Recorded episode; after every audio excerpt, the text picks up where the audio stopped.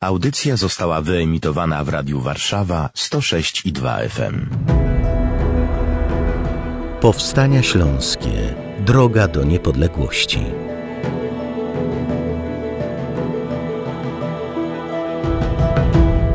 Stulecie Powstań Śląskich. Marcin Bąk, witam Państwa. Dzisiaj naszym gościem jest dr Krzysztof Jabłonka. Witam serdecznie Państwa, witam Cię Marcinie. Postać Wojciecha Korfantego, który słusznie kojarzony jest z ruchem śląskim, z ruchem polskim na, na Śląsku i z powstaniami śląskimi. Człowiek, który zrobił dla polskiej sprawy w ogóle bardzo dużo na terenie jeszcze najpierw państwa niemieckiego, później... Drugiej Rzeszy. Właśnie. Y, potem już ściśle na Śląsku był y, posłem w Reichstagu, polskim posłem, pamiętajmy to, silnie związany z chadecją, tak? czyli z tym ruchem robotniczym, ale chrześcijańskim. Zwanym czasem pracowniczym bo to obejmował kolejarzy, również ludzi, którzy mieli etos. Jeżeli pojawiają się gdzieś w historii czy nawet współcześnie nazwy takie jak stronnictwo pracy, nazwa mm -hmm. partii politycznej, to prawie na pewno możemy powiedzieć, to jest Hadecja. To jest właśnie Oczywiście, Hadecja. Tak, Wracając do naszej postaci Wojciecha Korfantego, który no, wpisał się mocno w historię Śląska, w historię no, polskości. Ojciec ojczyzny.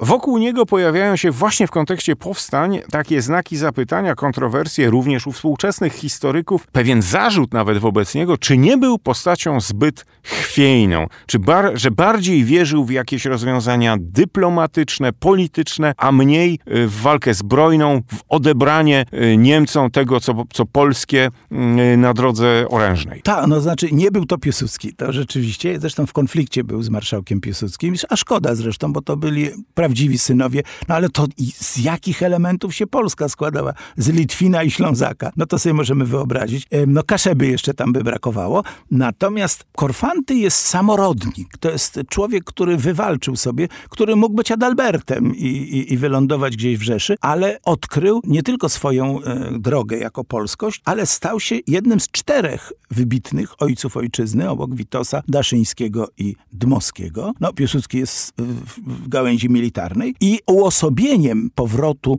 e, Śląska. Słusznie powiedziano, on przywrócił nam Śląsk. Jeżeli personalnie mielibyśmy kogoś wymienić, to nawet nie Zgrzebnioka, nie Mielżyńskiego, nie Grażyńskiego czy innych, tylko właśnie Wojciecha Korfanta. No i tak jest takiej świadomości narodowej, jeżeli można mówić jakiejś zbiorowej świadomości narodowej, postrzegany. Ale wracam do tych kontrowersji, do tych pytań o jego postawę zachowawczą. No mówi się tak, że trzecie powstanie śląskie, które początkowo rozwijało się bardzo dobrze. Polacy zdobywali kolejne obszary, osiągnęli bardzo daleko na zachód linię no, sukcesu.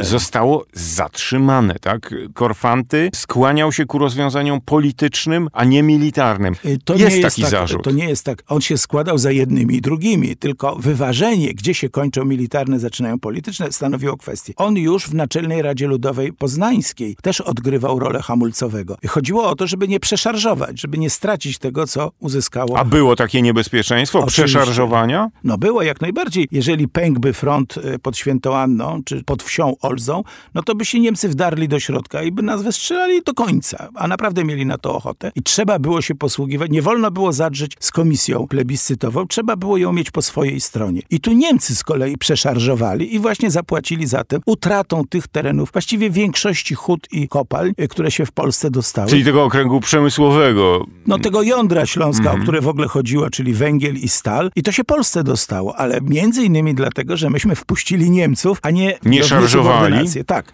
I ym, rzeczywiście obie strony po trzecim powstaniu opuszczą, natomiast Niemcy będą łamać te postanowienia. Wtedy ich ukaże komisja y, właśnie przesunięciem. To znaczy Wielka Brytania straci argumenty i Francja wtedy już zarządzi całością. Ale i już wtedy Lerond decydował. To już opowiemy o, o końcu w tak. oddzielnym spotkaniu, natomiast jeszcze postać Korfantek, najpierw powiedziałeś jeden z czterech ojców niepodległości, no ale ojców niepodległości się nie szykanuje. A tak, przynajmniej nie był, powinno się szykanować. On był, on był, najbardziej szykanowany z wszystkich, bo Dmowskiemu się tak naprawdę nic nie stało.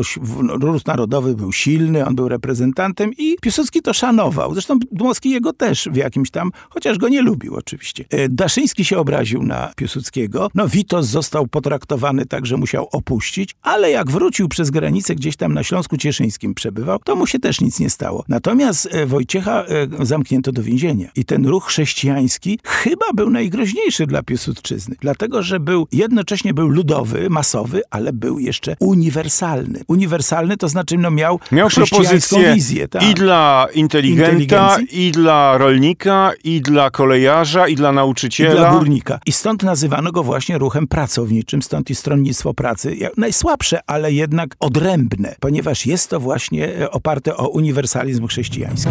Zadanie publiczne jest współfinansowane ze środków otrzymanych od ministra obrony narodowej.